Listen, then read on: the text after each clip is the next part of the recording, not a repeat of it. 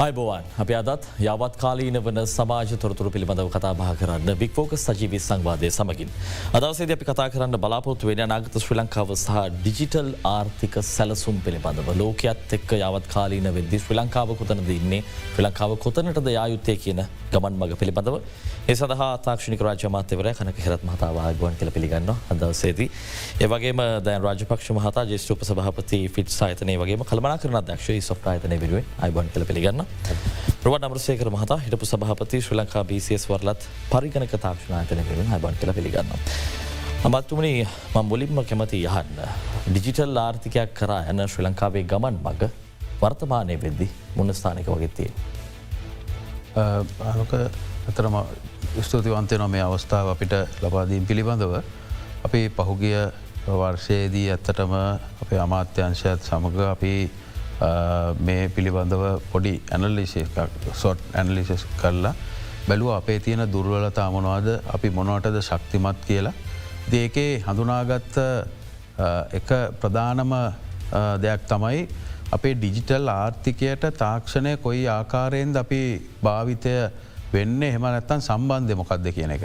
ඉතින් අපි අද බැලුවොත් එහෙම අපේ දළදේශය නිෂ්පාදනයට ඩිජිටල් ආර්ථිකයෙන් අපි සියට හතරක් පහක් තමන බලාපොරොත්තු වෙන්නේ. ඉදි ඒවගේම අපි සංසන්ධනය කොරොත් ඇමරිකාවැනි රටවල් එක සියට හතලියක් දක්වා ගිහිල්ල තියෙනවා.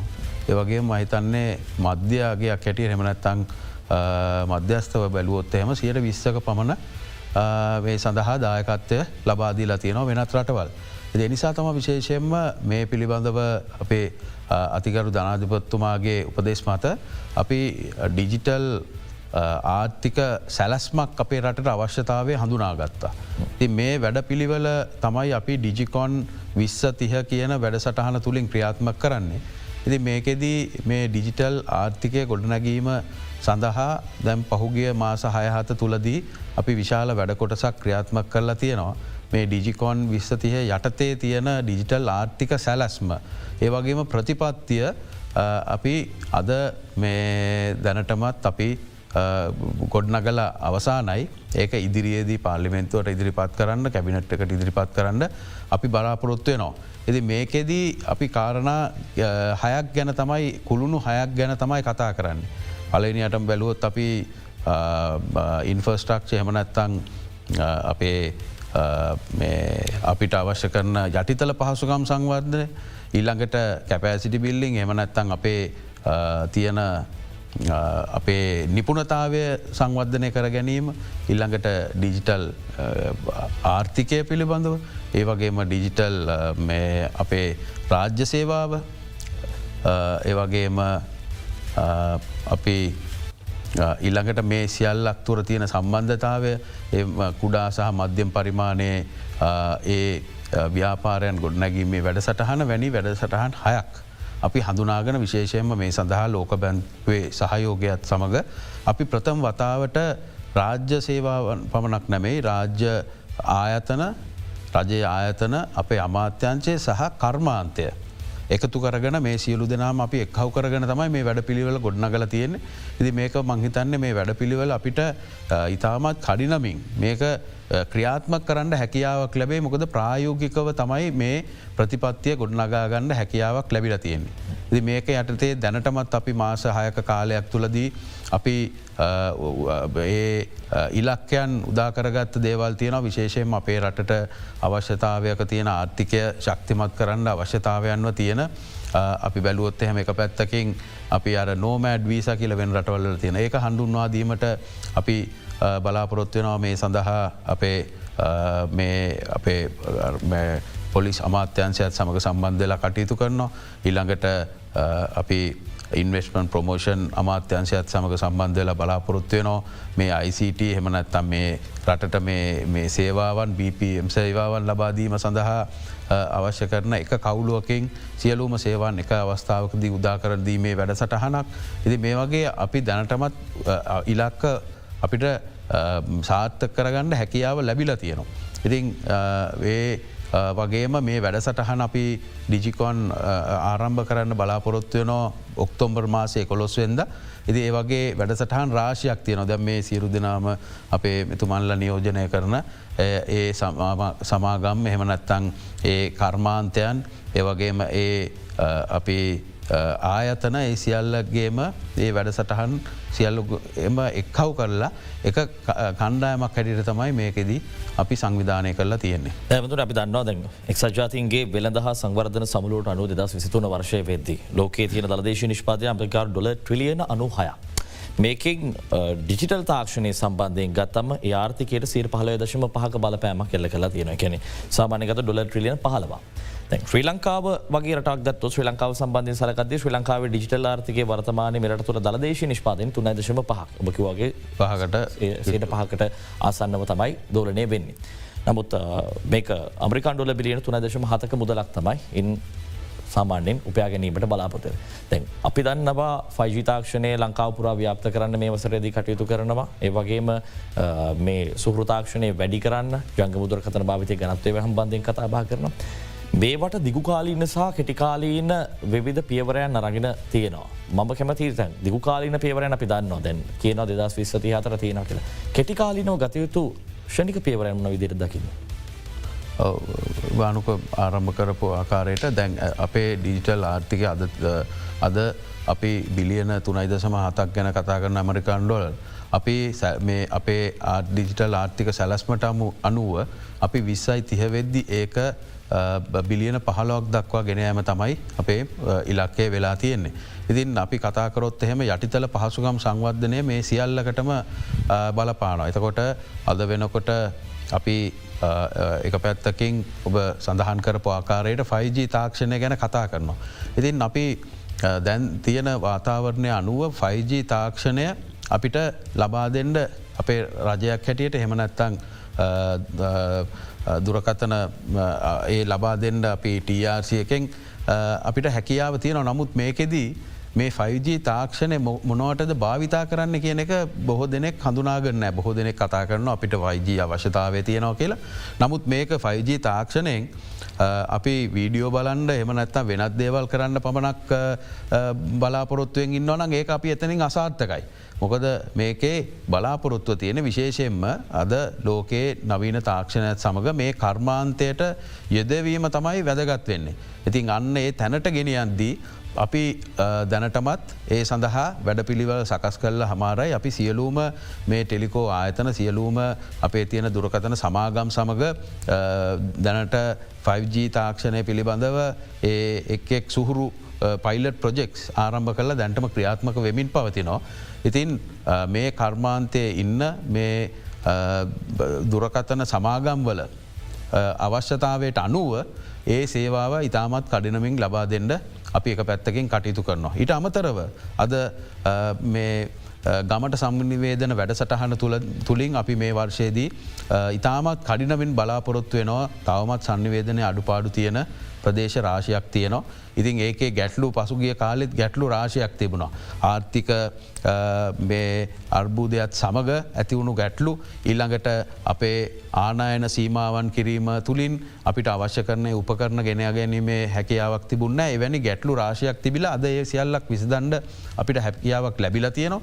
අපි දැනට ඒ සමාගම්වලට ඇත්තරම් මේකෙදී අපේ ටRCක මගින් අපි මේකේ සියට හැටක් මේ සඳහා මේ ආයෝජනය සඳහා ඒ දුරකතන සමාගම්වලට ලබා දෙනවා. ඉති අපි ඒ වැඩ පිළිවල ඇතරම දැන්ට සාර්ථකව නැවතත් ආරම්භ කරන්න හැකියාවක් ලැබුණ තිබ ගැටලු ටික නිරාකරණය කරගෙන දුර අපි විටින් විට මේ දුරකතන සමාගම් සමඟ සාකච්ඡා කරලා තියෙන ගැටලුවලට අපි විසුදුම් ලබා දෙන්න කටයුතු කරලා තියෙනවා. ඉතින් ඒ වැඩ පිළිවල මහිතන්න මේ වර්ෂයේ හිතුවටත් වඩා සාර්ථක කරගන්න හැකියාවක් ලැබේ නමුත් අපිට සියර සියක් අවසන් කරන්න තව වර්ෂරක් දෙකක් වගේ කාලයක් යනවා. රජපක්ෂමතම කැමති හන්න දැන්. ශ්‍රී ලංකාව ඩිජිටල් ආර්ථිකයක් කර දෙදහස් තිය දක්වා ගමන් මගක් ඇද්දී. විදන්නවා අධ්‍යාපනය සම්බන්ධයෙන් ඔබට පැදිලි උත්තරයක් දෙන්න තියෙනවසා ප්‍රශ්නාර්ථයන් තියෙන ඒ සම්බන්ධයෙන් ඔබ දන්නම්. ඔබ හිතනවද ශ්‍රී ලංකාව තුළ තිබෙන මේ අධ්‍යාපන ක්‍රමය ඇතුළේ හෝ විශ්වවිද්‍යාල අධ්‍යාපන ක්‍රමේ පවතින තත්ත්වය මත ඩිජිටල් ආර්ථිකයකට යන්න මේ බුද්ධිගලනයන් සිද්ධ වෙන මේ රටේ මේ මුහොතේ මොන වගේ පියවරන්ද ෂණිකව ගන්නීමට හැකියාව තියෙන. ඔබානුක බොම සූස්තිය අපි මේ වැඩසරහන සම්බන්ධ කර ගැනීම පිළිබඳ. ඇත්තරම මම අද නියෝජනය කරන ශ්‍රී ලංකා තුරතු තාක්ෂණ කර්මාන්ත මණ්ඩලය කැනෙ ෆිටිස් ආයතනයේ ගත්තොත්තේම අපි හා සම්බ අපේ එක අංශත්තමයි මේ තොරතු තාක්ෂණ අධ්‍යාපන සේවාව සපයන ආයතන. අපිත් එක් ඇත්තරම සාමාජික ආයතන විශාල ප්‍රමාණයක් තියෙනවා ඒ අන්ස අටකට තියෙන ඉතින් එකක්තම අධ්‍යාපන ශේත්‍රය මංසල අධ්‍යාපන ශේත්‍රය කන කතා කරන්න. ඉතින් ඔබ කියන හැටියට ඇතරම අපිට තියෙන අභියෝග තමයි දැන් විශේෂෙන් අපේ තාමත් මේ රටේ අධ්‍යාපන පද්ධති තුළ විද්‍යශ විශ්වවිද්‍යාල සහ වගේම වෘතිය පුහුණු අධ්‍යාපන ඇතන සියල්ලෙම ගත්තත් අපේ ප්‍රමාණාත්මකව අපිට අවශ්‍ය ප්‍රමාණය අපිට තාම රටට දායාද කරන්න හැකි වෙලා තිබෙන්න එක එක ප්‍රශ්නය. දෙවනික තමයි එතර සමහරලාට ගුණාත්මක භාවේ අඩු පාඩුත් තියෙන විශේෂෙන් වෘති අධ්‍යාපනය තුළ ගත්තත්තයම සමහර විෂය නිර්දේශ යවත් කාලින වෙලා නෑ. එතකොට අපි සමහරලාට ඒව තුළින් යම් ශ්‍රමිකය පුහුණු කරොත් ඒගොල්ලන්ට තියෙන රැකි අල්ලුම නෑ. තකොට එතනත් අපේ අර ගැප් එක හෙම නැත්තන්ගේ පරතරය වැඩිවෙන් හේතුවෙන.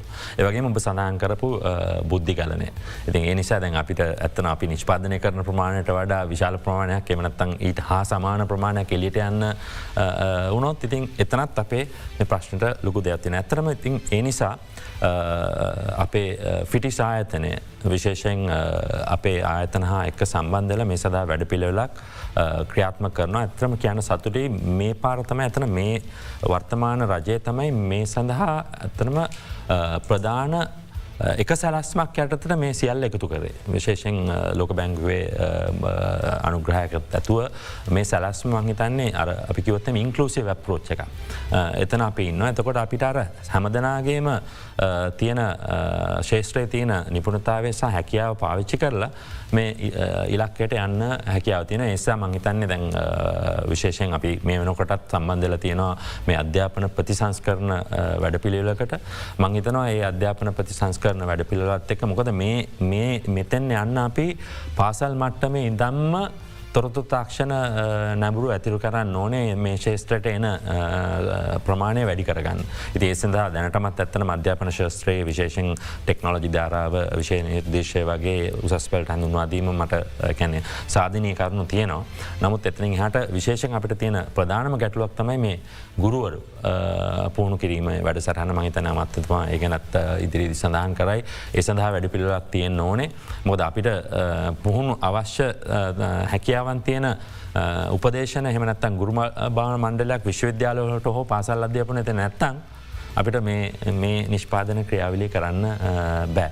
ඉතිං මං හිතනවා වෘත්ති අධ්‍යාපනය එක ප්‍රෆෙෂනල් කොලිෆිකේන්ස් BCS සාහිතනය තියන මෙතන ඒවගේම එතකොට වෘත්ති අධ්‍යාපනය සහ රජය සහ රජය නොවන පෞද්ගලික විශ්වවිද්‍යාල කියන අංශ තුනේම එකතුව එකට ඇරගෙන අපිට මේ අවශ්‍ය නිපනතාවත් තියෙන තොරතු තාක්ෂණ ශේෂත්‍රය ගෙනියන්න පුළුවන් ශ්‍රමිකයන් පෙරිසක් බී කරන්න පුළුවන් කියන විශ්වාසය මට තියෙන.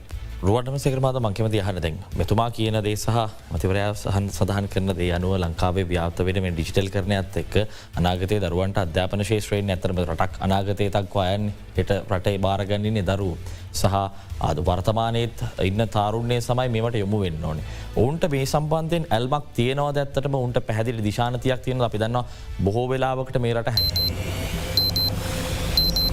It's your time to become the software engineer and create solutions for a better life. Apit. හැරයන්නේ ලංකාව තුළ පැවැත්මක් නැහැ මේ ව්‍යා රැකි අවස්ථා ව්‍යාපාරවස්ථා කරපුවම කිසිම පැවැත්මක් නෑ තුළින් තමන්ගේ ස්වකීය ජීවිතය සම්පෝෂිත කරගන්න බැහැ කියන ඇත්තේ. ඩිජිටල් කරන ඇත්ත එක් ඔවුන්ට බලාපොරොත්තුවක් තියෙනවා. බොහම ස්තුති බාණ්ඩුක මහත්මය මේ ඔබ තුමා අහපු ප්‍රශ්නය හරිම අදාලයි ලංකාවට ඩිජිටල් කරණය තමයි ලංකාවට බුද්ධිගලනය නවත්තන්න පුළුවන් හොඳම විසදුම කියලා මම දකින්නේ. මොකද ලංකාවේ IT එක්ස්පර්ට්ස්ලා ඕන කෙනෙක්ට හරිම ලේසියෙන් ලංකාවේ ඉදලා තමන්ගේ ගෙදර ඉදලා ලෝක ඕනෙම තැනක වැඩ කරන්න පුළුවන්. දැනටම අපේ විදස්ගානක් කට්ටිය ඒ වගේ වැඩ කරනවා. ඉතින් ඇයි වෙන රටකට යන්නේ.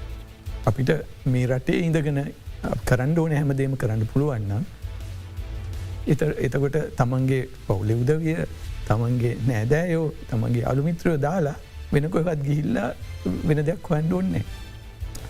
ඒ ඒ නිසා අර ඇමතිතුමා කිව්ව වගේම ඩොක්ට දායන් කිව්වා වගේම ලංකාවේ අපේ අපි ඩිරෙක්ෂන් එකක් පෙන්න්න ඕනේ අපේ තාරුණ්‍යයට මෙන මේක තමයි කියලා. හොඳමදේ අපි යනවා එක එක යුනිවර්සිටස් වලට එක රටේත් පලාත්වලට යනකොට අපි දකින දේ තමයි හැම දෙනෙක්ගෙම විශේෂයෙන්ම තරුණ කණ්ඩායම් වල පුදුම කැමැත්තක් තියෙනවා අයිට ඉන්ඩස්ට්‍රියකට එන්ඩ සහ අයිට පාවිච්චි කරලා ඒගොල්ලන්ගේ ඩිවලප්මෙන්ට් එක කරගන්න. අපිට අපිට ඇත්තටම මේ පෝග්‍රෑම් එක මිනිස්ට්‍රීකින් හදපු ඩිජිකෝන් ප්‍රෝග්‍රම් එක ඒක ඇත්තරම කැටලිස්ටයක් වෙනවා ඒක ගමට සහ රට වටේ රටේ ඇමතැන්ටම ගෙනියන්ඩ මොකද මේ අයගේ කැමැත්ත තියෙනවා. ඉන්ඩස්ට්‍රීකයි රජයයි එකතු වෙලා පබ්ලික් ප්‍රයිවට් පාර්ට්නශිපයක් හැටියට මේක ගමට ගෙනියනකොට රටේ අදාළ තැන්වලට ගෙනියනකොට අපේ ළමයින්ට අනාගතයක් දකිනෝ. ඇයි ඒ අයට දකිින් ඕන්නෑ වෙන රටක අනාගතයක්. අපේ රට අනාගතය වෙන ඒගොලන්ට පුළුවන් වෙන රටවල්ල වැඩ මෙහිඉදගෙන කරලා මේ රටේ ඉකනමයකට සහ අපේ ජන සමාජයට යහපතක් කරන්න. අමතුමනි මං කැමති හනද මේ සියලු දේවල් එක්ක කතාබහ කරද්දි අපි දන්නවා සාමාන්‍යයෙන් විශ්වාස කරන්න අපි අකමැති දේ තමයි කොළඹ අධ්‍යාපනයම හම්බ වෙනවාද අන්රාධපුරේ ළමයට පුරන්නරවන්න ළමයට කියන එක. සමන කතාවට කියන කොළඹට කිරිගමට කැකිරි වගේ තමයි මිතිට සකල්ප ව්‍යාප්ත වෙන්න කිය මං කැමති දැනකන්න ගුරුවරුන් සන්නද කරන්න ඕනික අධ්‍යාපනය සන්නද කරන්න ඕනික මේ සියලු දේවල් එක්කම දරුවන්ට තියෙන දේත් එක්කම මංකෙමති රාජ්‍යංශයට එන්න මේත් එක්කම නැතන් අපි කතාකරන කෘෂිකර්මය ගැන ඉටත් පෙර දැන්. අපි දන්නවා කොළඹටත් පොඩ්ඩක් නුදුරින් තියෙන තැන්වල තම මේ කෘෂිකර්මාද වෙන්න දැන් ඩිජිටල් කරන ඇත් එක කියනව ගොබීන්ට තමන්ගේ පොහොර මිටිය බලාගන්න පුළුවන් ෆෝර්න් එකෙන් තමන්ට තියෙන පොහොර කෝටාව බලාගන්න පුළුවන් ජිට ලැපෙන මේ වගේ දේව. කෘෂිකර්මාන්තය තුළ මේක ව්‍යාප්තවීම ඔබ හිතනවාද මේක පැහදිලි අවබෝධයක් ඇතුව මේ ව්‍යාප්ත වෙනවාද නැත කෝමද මේක දිශානතය තියෙන්. ඇතරම අපේ අපිට රටේ තියෙන ප්‍රධානම සාධකය කෘෂිකර්මයක්. ඉතින් ඇත්තටම මේ සඳහා අපේ වැඩ පිළිවෙල ක්‍රියාත්මක වෙනවා දැම වෙමින් පවතිනෝ. මේක ප්‍රධානම කාරණාව තමයි අපිට දත්ත එක රාශ කිරීම. ඉති මේකෙදි කෘෂිකර්මය ආයතන රාශයක් තියෙන කෘෂිකර්ම අමාත්‍යංශ ඉදලා දෙපාත්තුමෙන්තු පලාත් සබා ඒ සියල්ලක් තුළ ඒ සියලූම දක්ත එක රාශි කරනක තමයි පලවෙනි අභියෝගය තිබුණේ. ති දැනට ඒ වැඩ සටහන ක්‍රියාත්මක කරනවා. කෘෂිකර්ම නවීකරණය කිරීමේ වැඩ සටහනක් අද ඇත්තටම අපිට ඒ සඳහා සහයෝගේ ලැබිල තියනවා බිල් මිලින්ඩගේ පදනම. අපිට විශාල සහයෝගයක් ලබාදීලා මේ ව්‍යාපෘති ආරම්භ කරලා තියනවා. අපි බලාපොරොත්තු වෙනවා මේ මේ වැඩ සටහන අපි ඩිචිකෝන් විස්සතිහ වැඩ සටහන ආරම්භයත් සමඟ ඒ සඳහා ඒ ක්‍රියාත්මක කරලා තියෙන දත්ත අපි ඒකරාශි කරපු වැඩසටහන තුළින් මේකෙදී කෘෂිකර්මය සඳහා වෙනම අපි සැලස්මක් ඉදිරිපත් කල්ලා තියනවා. එකයන්නේ නවීන තාක්ෂණය ඩිජිටල් කරණයත් සමගයන්ඩ ඊළඟට මේ සියල්ලක්ම අපි දැන් දත්ත ඒකරාශි කරලා අපිට එක තැනකින්දල එක හසුරුවන්ඩ එමනත්තන් ඩෑශ් බෝඩ් එකක් කියලා කියනති ඒ ඒ සඳහා දත් අද ඒකරාශි කරලා තියනවා. ඉල්ලකට තුන්වනි අදියර හැටියට මේක තවතවත් සංවර්ධන කරන්න තවතවත් ගමටගෙන යන මේකෙදී අපි විශාල සංවිධාන රාශයක් සමඟ සම්බන්ධලා මේ කටයුතු කරන්නේ. ඒකෙදී අපිට තවත් මංහිතන්නේ බිල්ලන් මිලිටගේ පදනම් මගින් අපිට මිලියන භාගයක පමණ අපිට ආධාරයක් තවත් ඉදිරියේදී ලබා දෙන්නත් කටයුතු කරනවා ඒ වැඩසටහන ග්‍රාමිය මට්ටමට ගෙදිල්ල ක්‍රියාත්ම කරන්න. ඉති ඇතරම ඩිජිටල් කරණය ප්‍රධානම දේ තමයි අපි කර්මාන්තයත් එක්ක සම්බන්ධයලා කටයුතු කරද්දිත් මේ රාජ්‍ය සේවාව අපි සවිබල ගැන්වීම ඉතාමත් වැදගත්. ඒ කාරණාව අද සිදුවමින් පවතින ඇත්තටම පහුගිය අවුරුදු දහය ගැන කතාකරොත් ඩිජිටල් කරණය ගැන ක්‍රියාත්මක වෙලා තියනවා. නමුත් ඒව වෙන්වෙන් අංශයන් හැටියට එක අමාත්‍යංශ වෙන්ඩ පුළුවන් දෙපාර්තමෙන්ත පුළ වෙන්ඩ පුළුව අමාත්‍යංශයක් ඇතුළේ එක් ආයතන වෙන්ඩ පුළුව නමුත් වෙන වෙනම තම ඒව ක්‍රියාත්මක වෙලා තියෙන. අද අපි බලාපොරොත්වෙන් ඒ සියල්ලක් ඒ බද්ධ කරන්න ඒ සියල්ලක් ඒක රාශි කරන්න. ඉදි දැන් අපිට හොඳ මුදාහරණය තමයි අද ආදායම් බලපත්‍රය ගත්තොත් එහෙම අද වෙනකොට අපි ඒ වැඩසටහන ආරම්භ කරලා දැන් දිවයිනේ ඕනෑම තැනකිදලා තමන්ගේ ආදායම් බලපත්‍රය ලබාගන්න වැඩසටහන ඔක්තෝම්බර් මාසි තුන්වෙන්ද ආරම්භ කරනවා හැම පලාතෙම තියෙන තමන් ගිල්ල තමන් බස්නාහිර පලාතට මෙන්ඩ වශනය තමන් ඉන්නවනං දකුණු පලාතේ එතන ඉදලා ඒ ලබාගණ්ඩ පුළුවන් තැනට ඒ වැඩ පිළිවෙල ඔක්තෝම්බර් මාසි තුන්ගෙන්ද ආරම්භ කරනවා. ඒවගේ අපි බලාපොරොත්තු වෙනවා අපේ රටේ ජනතාවට ලබා දෙන සේවාවන් සියල්ලක්ම ඩිජිටල් කරණය තුළින් විශේෂයෙන්ම ඔන්ලයින් ගෙවීම් ක්‍රමය හඳුන්වා දෙන්න දැන්ටමත් හඳුන්වා දීලා තියෙනවා. එතකොට ඔක්තෝමර් මාසේ පලවෙන්ද ඉඳල අපි නියමු ව්‍යාපෘති නමයක් ආරම්භ කරනවා ඒකට ප්‍රාදේශය ලේකම් කාර්යාල ප්‍රාදේශ සභාවන් නගර සභාවන් ඒවගේ දිස්ත්‍රික් ලේකම් කාර්යාලය ඉල්ළංගලට තව ආයතන හැටියට අපි මිනින්දෝරු දෙපාත්තුමෙන්තුව නැස්ටික බල අධිකාරිය මෙවැනි ආකාරය ආයතන නමයක් තෝරර්ගන අපි ඔක්තොම්බර් මාසය ආරම්භ කරනවා ඔන්ලයින් සේවාවන් සියල්ලක්ම. සියලූම සේවාවන් ඔන්ලයින් ගෙවීමේ ක්‍රමයට ආරම්භ කරන්න. තකොට අපි මේ වර්ෂය අවසාන වේද ඒ සඳහ අවශ්‍ය කරන ගයිඩ්ලයින් ටික ලබාතිීල ලබන වර්ෂයේ මාත්තු අවසාන වෙනකොට රාජ්‍ය සේවයේ අප ඉලක්කය තියෙන්නේ සෑම සේවාවක්ම ඔන්ලයින් ගෙවීමේ ක්‍රමයට ගෙවන්ඩ එතකොට ඒ තුළින් අය යෝන කෙනෙක්ට ගෙදර ඉඳල ගෙවන්න පුළුවන්. මේක මේකෙදී අපි කාර්යක්ෂම සේවාවක් බලාපොරොත්වයනවා ඉල්ළඟට වංචා දූෂණ ගැන කතා කරන ඒවක මුළුමනින් අතර කරන්න හැකියාවන පෙන. ඉතින් මේ වගේ රාජ්‍ය සේවයත් අපි ශක්තිමත් කරන්න ඩිජිටල් සවි බල ගැන්වීම සඳහා වැඩ පිළිවෙලක් ක්‍රියාත්මක වෙන සෑම දිස්ත්‍රික්කයකම අපි ආරම්භ කරලා තියෙනවා ඩිජිටල් පරිවර්තන කමිටුවක්. ඒකේ විශේෂෙන්ම සංවර්ධන කමිටුවේ දී ක්‍රියාත්මක වන දිස්ත්‍රික් ලේකම්තුමාගේ ප්‍රධානත්වයෙන් මේ කමිටුව ආරම්භ කරලා ඒක තුළින් එක පැත්තකින් නිලධාරින් දැනුවත් කරන්න නිලධාරින්ව මේ සඳහා යොමු කිරීම අපිට තියෙන අභියෝග දන්නවා. ඒ අභියෝගවලට මේ ගොල්ලන්ට මේක තේරුම් කල්ල දීලා මේක අත්‍යවශ්‍යතාවය පිළිබඳව හඳුන්නාදීමේ වැඩසටහන් අපේ රාජ්‍ය සේවය තුළ ක්‍රියාත්ම කරන්න ඒගවීම් සම්පතින් කතාබා කරද්දි මේවතින විනිවිධ භාවය කොමද සිද්ධ වෙන්න? මේට නීමිත විනිවිධ භාවයක් තියනවාද? ජනතාවට සැකයක් තියන පුළුවන්. සමාලට අපි සල්ලිධාන මේක කොහට මොක් වෙනොත් දන්න කියලා. දැන් පද්ධතින් එනවා ප්‍රතිපත්තින් නවා නියමන සිද වෙන නමුත් මේ හරිකාර ක්‍රියාත්මක වෙන්න කියෙන චෝදනාව තම නිරන්තරයෙන් වෙන්නේ. ඩිජිටල් කරනයට එක පාරටම අපි දැන් ගන්නේ අපි නමුත් අපි දන්න ක්‍රමක්‍රමේ මේකට යා යුතු ඉසා මේක යාම අනිවාර්ය. ඉතින් අපි කියනවා පැවති ආර්ථික තත්වය සහ ලෝකයේ සෞඛ්‍ය අධ්‍යාපනය මේ ආර්ථිකය සියලුදීම බැටකාපු නිසා අපි දැන් ධනාත්මකව ඩිසිල් කරනයට යොමු වෙන වලට වැටන එක මොලට හොඳයි කියනවා වගේ. ඒ නිසාවෙන්ම ජනතාවට අනියත බියක්ති වෙනවා සමහර වෙලාට මේවා තුළ වංචාදූෂණ වෙනවා. නැත්තං අපි කියනවා හැක්කිරීම් සිද්ධ වෙනවා. ගිනුම් සම්බන්ධයෙන් ගෙනවා මේ සම්බන්ධය විනිවිධ භාවයක් තියෙනවා. ඇතටම මේකේ විනිවිධ භාවය අපිට මේ තියෙන වංශාදූෂණ අඩු කරන්න තියෙන හොඳම ක්‍රමය තමයි මේ ඩිජිටල් කරණය ක්‍රියාත්මක් කිරීම. ඒකෙදී අපේ ඇත්තටම අපි හැම කෙනෙක්ගෙම මේ නව ක්‍රමයකට භාවිතා විද්‍ය අපේ සැකයක් ඇති වෙනවා. බයක් ඇති වෙනවා තමන්ගේ සමරක් කියලාට තමන්ගේ බැංකු ගෙනුමෙන් මේට ගවීම් කරන්න එහමනත්තන් ක්‍රඩි කාඩ් එකෙන් ති මේකේ වංචාවල් වලට අහුවෙන්ට පුළුවන් වේ කියලා හිතනවා. නමුත් ඒක අපි ඒක ඉතාමත් අඩු ප්‍රමාණයක් ක්‍රියාත්මක කරන්න තමයි මේ කටයුතු සියල්ලක්ම අපි දැනටමත් ඒ පලටෆෝර්ම් ගොඩනගන්න කටයුතු කරලා තියෙන්නේ. ද ඇත්තරම ජනතාව මංහිතන්නේ තමන් ගෙදර ඉඳලා එලියට ගිහිල්ල රුපියල් දෙසියක් ඉතර වියදන් කල්ලා ප්‍රාදිශභාවට ගිහිල්ලා තමන්ගේ වරිපනන් ගෙවනවට වඩා ඒ දෙසිය ඉතුරු කල්ලා ගෙදර ඉඳලා තමන්ට ඒක ගෙවීමේ ක්‍රමය තමයි මේ හඳුන්වා දෙන්න බලාපොරොත්තු වෙන්නේ. අපි මේ ඩිජිටල් කරණය ගැන කතා කරද්දි ප්‍රධානම සාධකයක් තමයි ඕනෑම රටක ඕනෑම වැලුවොත් එහෙම දියුණු රටවල්ල වනත් මේ අපිට සයිබ ප්‍රහාරයක් නැති වෙනවා. ඒක ඒක අඩු වැඩියෙන් තමරක් තැන්වල් නතර කරන්න සම ඒක සියට සියක් නතර කරනවා කියන එක එක ප්‍රායෝගික නෑ. ඉති ඩිජිටල් කරණයත් සමඟ ප්‍රධානම ඒ අවශ්‍යතාවේ තමයි ඒ සයිබ ආරක්ෂාව යබාදීම. ඒ සඳහා දැන්ටමත් වැඩ පිළිවලවල් ක්‍රියාත්මක් කරන අපි සයිභාරක්ෂණ පනත ලබන මාසය වෙද්දී පාලිමෙන්තුවට ඉදිරිපත් කරනවා. ඉල්ළඟට අපි බලාපොරොත්වෙනවා මේ සයිභ ආරක්ෂණ අපේ අධිකාරයක් ගොඩන ගණ්ඩ දැනට සර්ට් කියන ආයතනය තමයි ඒ විවහේ තියෙන්නේ. ඒකත් එක්ක සම්බන්ධ කරගෙන කටයුතු කරන්න. ඉති පසුගේ වර්ෂයේ දත්ත ආරක්ෂණ පණ්ඩත අපි ගෙනහල්ල තියෙනවා. ඒක අධිකාරය පිහිටෝලා දැන් වැඩ ආරම්භ වෙමින් පවතිනවා. ඉති මේකෙදී පුද්ගලයන්ගේ ඒ දත්තා ආරක්ෂා කිරීම සහ සහිබ ප්‍රහාරයන් වලට ලක්වෙන එක අවම කිරීම සඳහා වැඩ පිළිවෙලකුත් ක්‍රියාත්මක වෙනවා.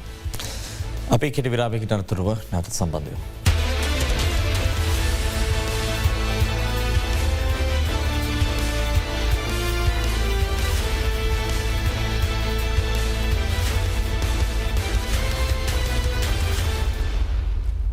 විරාමෙන් අනතුර අපි නැවතත් බික් ෆෝකස් සජීවී සංවාදය සමගින් නැම අමාතවර අපි විරාමට පෙර බොහෝදේ කතාබහ කර. මංකමති දැන් ඔබතුමන්ලා ලබාදීලා තියෙනවා. ලෝක බැංකුසා මාතංශකට උපතක් දස් විසු ඔක්තොබර් එකොලොස්සන්ද ලි දැක්වීමට නියමිතයි කියලා. ඇති මට සමගාමියෝ මංකමති තව බොහෝදේ දැනගන්න දෙවිට කලින් මංකමති ද රාජපක්ෂමත්මයට මේ ප්‍රශ්න දෙක යොමු කරන්න. දැන්. මේ හා සමගාවීව අංකිත කල තින මාතෘකා කිහිපයක් එති තින ඩිජිටල් සාක්ෂරතාව නිර්වාචනය ගෝලී ප්‍රමිතින්ට සමගාමීව නිවැරදි කර නවර්ත දැක්වීම ස්ථාපිත කරනවා කියලා ගැන අපි දැන් වැරදි තැනකදීන්නේ. නෑ දැන් ඇතම ඩිචිට ශක්ෂතාවය කියන එක අයිටලිටස කියන එක දැන් ගත්තොත්තේම තාක්ෂණය කියනදේ නිරන්තරෙන්ම වෙනස් වෙනවා. එතකොට දැන් අපි දෙදාහිදී අපි ශක්ෂතාවය කියල මනපුදේ නෙමේ අද. දෙදස් දැන් අද ගන ගත්තා ඇත්තටම ඔපකිවගේම ඉලෙක්ට්‍රොනික් ගෙවීම් ඒ වගේ මෙතකොට ස්මාර්ට් සිටස් ඒවගේම ඒ වගේ කලව් බේ සර්විස අපි හැමදේම අන්තර්ජාලය හරහා එම නැත්තං දිජිටල් සේවා හැතියට පාවිච්චි කන තත්වට ඇවිල්ලතින. ඇතකොට දෙදාහිද අපි මැනපු මිමින් දන්ඩෙම් අද වෙනකොට දිජිට සාක්ෂරතාවය මිච්චරක් කියල කිව්වොත් ඒක එන්න වැඩදී නිර්වචනය. ඉ ඒක යාවත් කාලීන කරනීම තමයි එකන ජාත්‍යන්තර නිර්දේශයන්ට අනුව අපි හරි තැන ඉඳගෙන අපේ ශාස්ත්‍රදාව මේකයි කෙනෙක තමයි එක යවත් කාලයෙන් කරනවා කෙනෙක තැන් ඊට සමගාමීව තින අධ්‍යාපන නවීකරණය කිරීම යටතේ තාක්ෂණ වෘතිකින් ගොඩනැකීම සඳහා අධ්‍යාපන ප්‍රතිසංස්කරණය. මේකේ කොහොමද ප්‍රතිසංස්කරණය කරන්න අපි දන්නවා කාර්මී කරණය සම්බන්ධයන ඉගෙන ගන්න අපිට ආයතන තියෙනවා නයිට හෝජමටෙක් කියලට යන්න පුලො. එතකොට අධ්‍යාපන සම්බන්ධය ප්‍රතිසංස්කරණය කිරීමේ දැන් අපි දන්න වසරකට මේ වසරේදී හතලිස් පන්දහසක සුපිරිසකට විශ්වවිද්‍යාලයට අධ්‍යාපන ලැබීම අවස්ථාව හම්බෙනවා. එතනින් ඔබට තියෙන දරුවෝ හරි නැත්තා වෘතිකයෙන් හරි තමයි මේ කොටසට නැවත ඇතුල් වෙන්නේ ඩිජිටල් තාක්ෂණ ඇතුල් වෙන්නේ. ඔවුන්ට උචිත විදියට සරලන විදියට මේ ප්‍රතිසංස් කරන සිද්ධ වෙනවා. ඇතරම දැන් ඔබ මේ සඳහන් කරන ප්‍රතිසංස් කරණය එලි දැක්වෙන දේගෙන මට දැන් මේ වෙලාවේ සඳහන් කරන අමාරි මම යම්තාක් දුරට දන්නවා මොකක්ද වෙන්න කියන එක නමුත් ඇතර මගේ මතය හැටියට මම කියන්නේ දැන් අධ්‍යාපනය වෙනස් වෙන්න ඕන කියලා කියන්න අපි මේ රාමුවක් ඇතුළ ඉඳගෙන මේක දැන් අපිතු ෝකේෂන කොල්ෆිකේෂන් එම නැත්තම් විශ්වවිද්‍යාල අධ්‍යාපන එම නැත්තං කුසලතා පදනම් කරගත්තු ලබාගන්න අධ්‍යාපන එම නැතන් අපේ තොද තාක්ෂණ ශේත්‍රය තියන මේ වෙන්ඩර්ස් ලයි කියන්නේ මේ මයිකසොෆ්ටේ වගේ මේ වගේ සමාගම්වදින් ලබා දෙන සටිෆිකේන්ස්. ඉතින් මේ අධ්‍යාපනය කියනතේ ඔය ඕන මාර්ගයකින් අපිට අනිත් මාර්ගකට යොමු වෙලා තමන්ට යන්න ඕන තැන දැනුම ලබාගෙන ඉදිරියට යම හැකියාව දරුවන්ට තියෙන්නවා. නැත්තං වෙන්න එක තැනකින් පටන්ගත්තු කෙනෙක් එතන හට යන්න බැරිුණාම එතන හිරවීමට ලක්වෙනවා. ඉති මං බලාපොරොත්වන ප්‍රතිසංස් කරනය මං හිතනවා එතැන් යයි කියලා මේ එක රාමුවක් ඇතුළේ විශ්වවිද්‍යාලයක හෝ එක රජය වන්න පුළුවන්. එමනත්තන් එක පෞද්ගලික විශ්වවිද්‍යාලක් වන්න පුළ එමනත්තම් වෘතිය ආතනක ඔබ කිව සඳහන්කල ටෙක්නිකල් කොලජ ඒවා ඒ ඇතම වෘති අධ්‍යාපනය ලබා දෙන්නේ මේ ටෙක්නික කොලජ සිතරක් නෙමේ දැන් අපේ ෆිටිස් ආයතනෙත් තින්නවා අපේ සාමාජික ආයතන විශාල ප්‍රමාණයක් මේ වෘතිය පුහුණුව ලබා දෙන්න. ඉති ඔය හැම පාත්තකම හරා තමන්ට අධ්‍යාපනය තමන්ගේ අවශ්‍ය දැනුම ලබාගෙන එක උපාදයක් එම නැත්තම් ෘතිය සුදුසකමක් මේ රැකියා වෙළඳ පොලට සරිලන ගැලපෙන අධ්‍යාපනයක් ඔය කොයි මාර්ගෙන් පටන් ගත්තත් අවසානය යන්න පුළුවන් තැනකට තමයි ප්‍රතිසංක සංස්කරණය වෙන්න ඕන්. ඇමතුමනි දැන් වෘතිය උපදේශනය සම්බන්ධයෙන් ගත්තම ගුරු ශිෂ්‍ය තාක්ෂණ ආයතනවල ඩිජිටල් ධාරිතාවේ වැඩි කරනවා කියලා සඳහන් කරලා තියෙනවා. මෙධාරිතාව වැඩිකරදි ගුරුවරුන් අටසය අනුවටක් අධ්‍යාපන කලාප එකසිේ හයමාවරණය කරන්න පුහුණු කරනවා පුරුදු පුහුණු කරන සන්නද්ධ කරනවා කියලා තියෙන. ප්‍රශ්නයක් එන්නට පුළුවන්. මෙහම ගුරුවරුන් සහ සිසුවන් අපි සන්නධ කරනවා කියන හර එක ධනත්මක. නමුත් මේ හා සමගාමීම මොන්ට තින් ඩිජිටල් තාක්ෂණය භාවිතා කිරීම අන්ත්‍රෝප කරන කොහොමද? ඒවත් යවත් කාලීන වෙනවද. ඒවයි සිද්ධ වෙන්නේ කොහොමද? මේවයි පරිගණ තාක්ෂණ කේන්ද්‍රයන ස්ථාපිත වෙනවද? නැතන් තියෙන දේවල් අප්ඩේට් කරනවාද? මේ සම්බන්ධයෙන් දැනුබත් කිරීමක් කරන. ඇතනම එක ඉතාමත් වැදගත් කාරණාවක්. අපි පසුගේ කාලවකවානුව තුළදී අපි ඒ ගුරුවරුන් පුහුණුව වැඩසටහන ආරම්භ කරල එක දැන් ක්‍රියාත්මක වුණා පුහුණු පුහුණුකරුවන් පුහුණු කිරීමේ වැඩසටහන. දෙ මේ ගුරුවරුන් ගිහිල්ලා ඒ ප්‍රාදේශ කොට්ටාශවල තමන්ගේ අධ්‍යාපන කොට්ටාශවල ඉන්න ගුරුවරුන් පුහුණු කරනවා. එය ආකාරය වැඩ පිළිවෙලා. ඉළඟට යටිතල පහසුකම් සංවර්ධනයේදී ප්‍රධානම සාධකයක් වුණේ අපිට මේ සඳහා අවශ්‍ය කරන ඉන්ටනෙට් එහෙමනත්තං ඒ සඳහා අවශ්‍ය ඉන්ටනෙට් ප්‍රමාණය සමහරක් ස්ථානවල නැතිව තිබුණ එක. ඒ සඳහා පසුගිය වර්ෂයේදී අතිකරු ජනාධපත්තුමා එතුමා විස්ස විස්තුන අයවැය ප්‍රකාශයේදී ප්‍රකාශ කර පාසල් දාහකට අවශ්‍ය කරන මේ සහයෝගේ ලබා දෙනවා කියලා ඉතින් අපි ෆයිබ තාක්ෂණයෙන් මේ පාසල්වලට ලබා දෙන්න දැනට වැඩ සටහන ක්‍රියාත්මක වෙමින් පවතිනවා. දැනට මහිතන පලනි අධීර හැටියට පාසල් හත්සියක් පමණ තෝරාරගෙන ඒ පාසල්වලට ෆයිබ තාක්ෂණය ලබාදීම වැඩ පිළිවෙල දැන්ටමත් ක්‍රියාත්මක වෙනවා. ඉති මේක මේක තම පලවෙනි අදියර. ඉළඟ අදියර තමයි ඒ තියෙන පරිගණක වේවා ඒ උපකරන වේවා ස්මාර්ට් පන්තිකාමර වේවා ඒසිියල්ලක් සඳහා අවශ්‍ය කරන යටිතල පහසුකම් සංවර්ධනය ඉතින් ඒ සඳහා විශේෂම අධ්‍යාපන අමාත්‍යංශය තුළින් ඉදිරි වැඩසටහනක් ක්‍රියාත්මක වෙමින් පවතිනවා විශේෂයගේ සඳහා දායකත්තේ මහිතන්ල ලබා දෙනවා මයිකරසෝෆ්ට ආයතන වැනි ආයතනවලින්ගේ පනුග්‍රහය ලබාදීලා අධ්‍යාපන අමාත්‍යංශයත් සමඟ ක්‍රියාත්මක නවා. අර ඉදිරිදි අපි කතා කරපු මේ අධ්‍යාපන ප්‍රතිසංස්කරණයත් වගේම අධ්‍යාපනයට ඩිජිටල් ඩිජිටල් ප්‍රතිපත්තියක් ගොඩනගලා පසුගේ සතියදී කැබිනට් එකට ඉදිරිපත් කර. ඒ සඳ අපේ අමාත්‍යංශයත් එ වගේ අධ්‍යාපන අමාත්‍යංශයත් සමඟ සම්බන්ධ වෙලා තමයි මේ ඩිජිටල් අධ්‍යාපන ප්‍රතිපත්තිය ඉදිරිපත් කරලා තියෙන්නේ.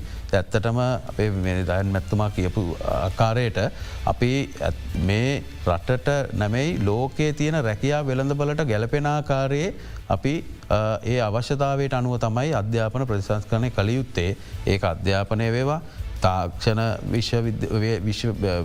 විද්‍යාලවේ හමනත්තම් විශ්වවිද්‍යාලයට යනක යන්ඩෝන්. ඉති ඒ වැඩ සටහන අපි කෙටිකාලීනව තව තව යම් යම් වැඩ සටහනත් සමඟ ක්‍රියාත්ම කරන්න බලාපොරොත්තු වෙනවා. නොනම්සේකතුර මකමති හන්වේ ඩිජිකෝන් දෙදස් විසිතුන මේක දෙදස් තියවෙනකං දැන් ඔබ දිර්ගුකාලීන සැලස්මකට හදල තියෙන දිරිවස්සර හතකටත් එක්ක සමගාමීම. මේ තුළින් ඇත්තටම අවසාන ප්‍රතිඵල බලාපොරොත්තු මොන වගේ ස්ථානයක්ද සහ මොන වගේ ඉලක්කගත සමාජ වපසරයක් ශ්‍රී ලංකාව තුළ ගොඩ නැගේ කියන දේත. ඇමතිතුමාසා ඩොක්ට දයන් කිව්ව වගේ අපි අධ්‍යාපනයෙන් සන්නද්ධ කරනවා අපේ ස්කිල් ෆෝස එක අපේ අපේ රටේ ඉන්න තරුණ ප්‍රජාව. මේ ගොල්ලෝ මොකක්ද කරන්න මෙතනින් පස්සේ. ඉගෙන ගන්නවා. එතනින් පස්සේ කරන්න පුළුවන් දේවල් තියෙන්නේ එක්කෝ රස්සාාවකට යන එක නැත්තං රස්සාාවල් හදන එක. අපි ප්‍රමෝට් කරන්නේ අපි ප්‍රමෝට් කණ්ඩ උත්සාහ කරන්නේ මේ ඉගෙන ගත්ත කට්ටිය තව තව රස්සාවල් හදන එක. ඒ කියන්නේ තමන්ගේම ව්‍යවසායකත්වයක් ඩිවලප් කරගෙන අඩුම ගාන තව පස්සාය දෙනෙකට රස්සාවල් ලබා දෙන්න පුළන් මට්ටමට මේ කට්ටියව ගන්න. ඒක ඒකට කරන්න පුළුවන් වැඩ කීපයක් තියෙනවා. අපි ඇත්තටම අපි කරගෙන යන චාට ඩින්සිියට් ෆයිට හැටියට අපි එක දෙයක් කරනවා. හැම අවුරුද්ධෙම ජාතික තොරතුරු තාක්ෂණ සම්මාන උල්ලල පවත්වනවා. ලංකාවේ නිෂ්පාදනය කරන හොඳම ICT ප්‍රඩක්ස්වලට. ICT ප්‍රඩක්ස් කියන්නේ සොෆ්ටයාවින්ද පුළුවන් හඩයාවින්ඩ පුළුවන් කම්පිනේෂන් මේ දෙකේ මිශ්‍රණයක් සහ කාර්ය පටිපාටියන් සමග එකතු වෙච්ච සිිස්ටම්ස් වෙන්න පුළුවන්. ඒ වගේ ඒවට අපි අයිඩෙන්ටිෆයි කරගෙන අපි රෙකගනයිස් කරනවා ඒගොල්ලන්ව එක පැත්තකින් ඒගොල්ලන් මෝටිවේට් වෙනවා. තව තව හොඳ දේවල් කරන්න. මේක වැදගත්ම තමයි කම්පනීස් වලට IT කම්පනීස් වලට සහ අනිත් කම්පනීස් වලට ඒගොල්ලන්ගේ ඒගොල්ලන් හදපු හොඳම IT ප්‍රඩක්ස් මේ කම්පිටිෂන් එකට දාන්න පුළුවන්. ඉන්ඩිවිජුවල් කෙනෙක් එකන් තනි මනුස්සෙක්ට තමන් හදපු හොඳ දෙයක් තියෙනවන ඒක ගේන්න පුළුවන්. එමතන් ගරුප් එකක් හැටියට යාලු කීප දෙන එකතු වෙලා කරපු හොඳ දෙයක් තියෙනවන ඒක ගන්න පුළුවන්. ඒවගේම තර්ශරි ස්ටඩන්ස් ලට එකැනෙ උසස් අධ්‍යාපනය ලබන ළමයින්ට සහ තව ෆිටිස් ආයතනයෙන් කරන යං කම්පියට සයින්ටිස් කියන ප්‍රෝග්‍රම එක හරහා ස්කෝල්ල ළමයින්ට මේ මේකට එන්න පුළුවන්. මේ ගොල්ලන්ම මේගොලන්ගේ ප්‍රඩක්ස් අයිඩෙන්ටිෆයි කරලා හොඳ දේවල් අගේමකට ලක් කරලා ඒගොලන්ට වෝඩ්ස් ලබා දෙනවා. ඒ කර්තව්‍ය සහ තවත් කර්තවයන් ගණනාවක් අපි කරගෙන යනවා සහ කරගෙන ඉස්සරහට ඒක තවදුරටත් ඉම්පරූ කරන්න බලාපොරොත්තු වෙනවා සහ මේ වෝඩස් ප්‍රෝග්‍රමකෙන් දින නායව ලංකාවේ තියාගෙන ලංකාවේ රෙකග්නයිස් වෙනවා. එතනින් පස්සේ මේගොල්ලන්ට මෙගොලම තවදුරටත් ඒගොල්ලන්ගේ කරපුදේ එලියට පෙන්න්නට අවස්ථාව තියෙනවා අපි කරන දෙයක් තමයි ඒසිය පැසිවික් ICT ලයින්ස් කියන කියන රටවල් ආසිය පැසිවික් කලාපේ රටවල් IT ඉන්ඩස්ට්‍රි තියෙන රටවල් එකතු වෙලා හදාගත්ත ඇසෝසේෂන් එකත් තියෙනවා.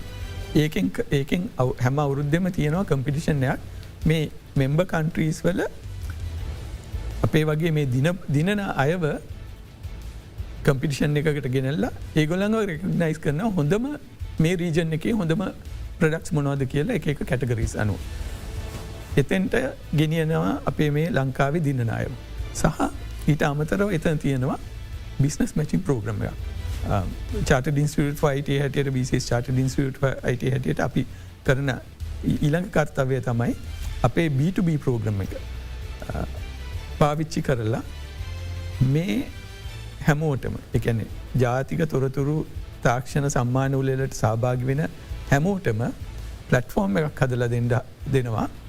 තමන්ගේ ප්‍රඩක්් එක එලියට ගෙනියන්න ගැනෙ එක්කෝ එතනද ලැබෙන මේ අවස්ථා තුනත් තියෙන. එකක් තමන්ගේ අයිට ප්‍රඩක්් එකට කස්ටම කෙනෙක් හොයාගන්න එක. එකැන සේල් එකක් කරන්න. සේල්ලයක් කර ලංකාවට ඩොලස් ගේන්ද. දෙවැනි එක තමයි ඉන්වස්ටර්ස් ලව හොයාගන්න එක. ඒගොල්ලන්ගේ කම්පනියක පුංචින එක ග්‍රෝ කර ගණ්ඩෝන්න පිටරටකින් ඉන්වස්ට කෙනෙක් ගණ්ඩෝන්න ඒ ඔපචුන්ට ගන්න. තුන්ගෙන එක තමයි බිස්නස් පාට්නර්ස් ල හොයාගන්න එක. ඒගොල්ලන්ට ලංකාවේ ප්‍රඩක්් එක වෙන රටක විකුණන්ඩ ඕන්නම් ඒ රටෙන් බිස්නස් පාට්න කෙනෙක්වාගෙන ඒ විකුණන්ඩ සහ ඒ වගේම නොලෙජ් ට්‍රන්ස්ව එක. මේ රටවල් අතර තමන්ගේ කවුන්ට පාත්සත් එක්ක නොලෙජ් ට්‍රන්ස්ව එක කරගණ්ඩ අවස්ථාව දෙන එක කරන්න. මේ වගේ ගන වැඩ කටයුතු ගණනාවක්. මීට අමතරව තියෙනවා විමෙන් ඉන්න අයිට ප්‍රෝග්‍රම එක වගේ ප්‍රෝග්‍රම්ස්. එතකොට යං යං ප්‍රොෆිෂනල් ඩිවලප්මන්් ප්‍රෝග්‍රම් වගේ දේවල් තියෙනවා ඒ හැමෝට අපි කරන්න හදන්නේ හැම කෙනෙක්ම සන්නද්ධ කරනවා වගේම ඒගොලන්ට මුදල් හොයා ගණ්ඩත් ඒගොලන්ට ලෝකෙක් කනෙක්ට වෙන්ඩත් සම්බන්ධ වෙන්ඩත් අවස්ථාව හදන එක තමයි අප කරන්නේ කරගෙන යන්න නිසා එක තවදුරටත් වැඩි දියුණු කරන්න බලාපොරොත්තු වෙනවා මේ අවුරුදු හත ඇතුළත. අපි වැඩදුරත් මේ සම්බන්ධින් කතා භා කරම මේ විරාවෙන් අනතුරුව.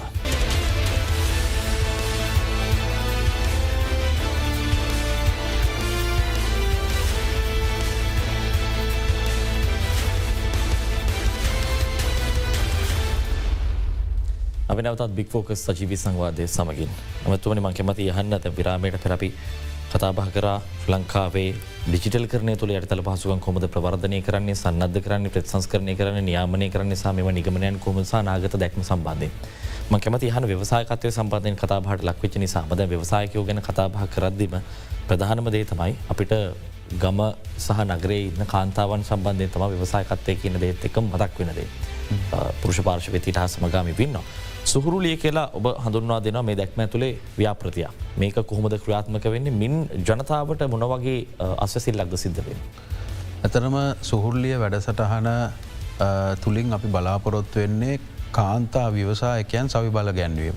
ඒ සවි බල ගන්න ඩිජිටල් කරණය තුළින් තමන්ගේ ව්‍යාපාරය ශක්තිමත් කරලා ඒක දැන් අපි බලාපොරොතන ඒකමර්ස් ගැන කතා කරනවා එක් එක් තමන්ගේ බාණ්ඩය විකුණා ගැනීම තමයි කෙටියෙන් කිව්වොත්. ඉතින් මේ වැඩ සටහන ඇත්තටම අප අමාත්‍යංශ යටතේ අයිසිටිය ඇතනෙන් තමයි ක්‍රියාත්මක ආරම්භ වුණේ. මේකෙදී දැනටමත් අපි එක්ලක්ෂ හැත්ත පන්දාහක් පමණ ව්‍යවසායක කාන්තාවන් පුහුණු කල්ලා තියෙනවා. ඒකේදී බලාපොරොත්තු වෙන්නේ තමන්ගේ තමන් නිෂ්පාදනය කරන දේ තමන්ගේ ඒ නිෂ්පාදනය කරන දේ. මේක අපේ රටේ හොයමනැත්තන් ජාතියන්තරව ඒ මේ වෙළඳ පොලට ගෙනියන්ට ඔන්ලයින් වෙළඳ පොලට ගෙනියීමේ වැඩසටහන් තමයි ක්‍රියාත්මක වෙන්න. ඉතින් අපි ඇත්තටම අපේ නිෂ්පාදන ආර්ථිකය ශක්තිමත් කිරීම ඉතාමත් වැදගත් කාරණාවක්. දේවගේම තමයි ඒ සඳ අපි අනිත් පැත්තෙන් සේවාර්ථිකයත් අපිට ගොඩනගා ගණ්ඩ මේ ශේෂත්‍රය තුළෙදි හැකියාව තියෙනවා. ඉතින් මහිතන් ඉතාමත් කෙටිකාලයකින් අපේ රටට විදේශ විනිමය ගේන්ඩ පුළුවන් කර්මාන්තය තමයි මේ කර්මාන්තය. මේක තුළින් ඉතින් ඒක මහිතන්න මිට වඩා මට වඩා මේ අපේ කර්මාන්තය ඉන්න මෙතුමල්ලා මේ පිළිබඳ සාකච්ඡා කරයි ඉතින් අපේ සමස්තයක් හැටියට ඩිජිකොන් විස්සතිය වැඩසටහන තුළතින් මේ පුළුල්ව සෑම ශේත්‍රයක්ම අවර්ණය වන ආකාරයට තමයි ක්‍රියාත්මක වෙන්නේ. දි මේ ආරම්භ කරන්න ඔක්තොම්බර් මාසෙල්ලො කොල්ලක්ස්වනිද. ඒකෙදී අපි සම්බන්ත්‍රන ඉළඟට වැඩසටහන් ඉල්ළඟට එක්සිවිෂන් ඒ සියල්ලක්ම පවත්වන ඉතින් මෙතුමල්ලාගේ එක් එක් ආයතනවලින් ඒ නියෝජනය කරනවා. ඒවා මහිතන් එතුමල්ලා මේ පිළිබඳව පැහැදිලි කරයි කොතුමන්ගේ තව කෙටියෙන් මං කැමති දැනගන්න ජීටඩ සහයෝගය සම්බන්ධෙන් කතා පහ කරන ස්ට්‍රලිය විරාණය සහ සෞජරාභය චීනය මේ කියන රටවල් සමඟ සම්බන්ධතාවෙන් මේ ඩවාජනාකර්ශණය කර ගැනීමට. මොනවගේ බලාපොරොත්තුවද තියන මේ වැඩසට ඇතුලෙසා නවාජනාකර්ශණය කර දැනටමත් ක්‍රියාත්මක වෙනවද ඔව දැනටමත් අපි ඒ සාකච්ඡාවන් ඒ රටවල් සමඟ ආරම්භ කල්ලා තියෙනවා. ඒක විශේෂයෙන්ම අපේ තාක්ෂණය හුවමාරුව එවගේම මෙතුමා සඳහන් කරපු ආයෝජකයන්ගේ අපි බලාපොරොත්තු වෙන අපේ රටට මේ ආයෝජකයන් ගෙනෙන්ට අපේ තියෙන තාක්ෂණය අපිට ඒක ප්‍රදර්ශනය කල්ලා ඇතුළින් ක්‍රියාත්මක් කරන්න තමයි මේ රටවල් සමඟ ගවමන් රාජ්‍යන් සමඟ සාකච්ඡාව ආරම්භ කල්ලා තියෙන්නේ. එක ඉන්දියාවත් ඉන්නවා චීනත් ඉන්න හැම රටකම අපිට වඩා ඉදිරියෙන් තාක්ෂණ ඉන්න රටවල් සමඟ සංසන්ධනය කරල තමයි ඒ වැඩ සටහන ක්‍රියාත්මක වෙන්නේ. කැමති දයන් රජමක්ෂමද මේට මතන උන පූර්ණයක් කරන්න ඇති මේ සම්බන්ධ ඇතරම බානක දැන් ඇමත්තුමා සඳහන් කර මේ දැන් ස්පිලස් හයක් ඇතට මේ අපේ සැලස්ම සහ ප්‍රතිපත්තරාම එලියට දැක්කෙනවා. ඉතින් ඇතරම ෆිටිස් ආයතනය මේ හැම පිලයකක්ම නියෝජනය කරන ආයතන අප හා සම්බඳලත විශේෂෙන් යටිතල පාසුකම් දුඩුකාන්ගේ ගවාගම මුදුකාංග සේවා එතට ඩිජිටල් සේවාන් ඒගන් ඊපේමන්ස් පැත්ත එළඟට සන්නිවේදන සපෙන අයතන ඉතින් මේ සියල්ලම විශේෂෙන් අපි සඳහන් කරනවන අපේ uh, මේම ඔක්කොම මහජනතාව දැනුවත් කිරීමට සහ මේ ශේෂත්‍රයට එන්න ඇලුම් කරන තරුණපරු දැනුවත් කිරීම සඳ අපි uh, මේ ඉදිරි uh, කාලය තුළ ඇතන මොක්තෝබර් එලවෙන් එකොලස් දැයින් පටන් ගරන් ඉති පස්සේ මාසයක් විතර යන කාලය තුළ විශේෂෙන් නොවම්බර් තුන සහ පහදක්වා ඉන්ෆොටෙල් ප්‍රදර්ශනය විසිතුන්ගනි වතාවට අපි ක්‍රියාත්මක් කරන ඒතුළින් ඇතම දැනගන්න පුළ මේ ශේත්‍රය කොච්චර අවස්ථාවන්තියනවද මේ ශේත්‍රය කොයි පැත්තරද යන්න කියන එක. ඒවගේම දැන් මෙතුම සඳන් කර විශේෂයෙන් අපි මේ සුළු හා මධ්‍ය පරිමාණ මධිපාම ව්‍යවසායකයන් මේ ඩිජිටල් කරණයට ලක් කරන්න ඕනේ. විශේෂෙන් දැන් කාන්තාවන් වනත් ඒගොලන්ට අන්තර්ජාලය වෙල්දරප හඳුරගන්න මේ ඩිජිටල් තාක්ෂණය පාච්චි කරන්න පුළන් ඒ සඳ අත්තරම අපි ගමින් ගමට මේ සේවාවන් ඔක්කොම එකට ලබාගන්න පුළුවන් දේ පිළිබඳ දැනුවත් කිරීමේ වඩසටන ක්‍රියාත්ම කරන ඩිජිගෝ කියලා. එකැන අපි පලේබුක් එකක් ගේනවා. එකැන එකින් අපි මේ දැන් අපි සමහල්ලට දැන් අපිට මොකක්කර ඩිජිට කරන්න ඕනන් දිවයිස් එකක් ඕන. එතකොට එකට මුදුකාන්ගයක් ඕන. එතකොට සමල්ලට බැංකු පහසුකම් ඕනේ.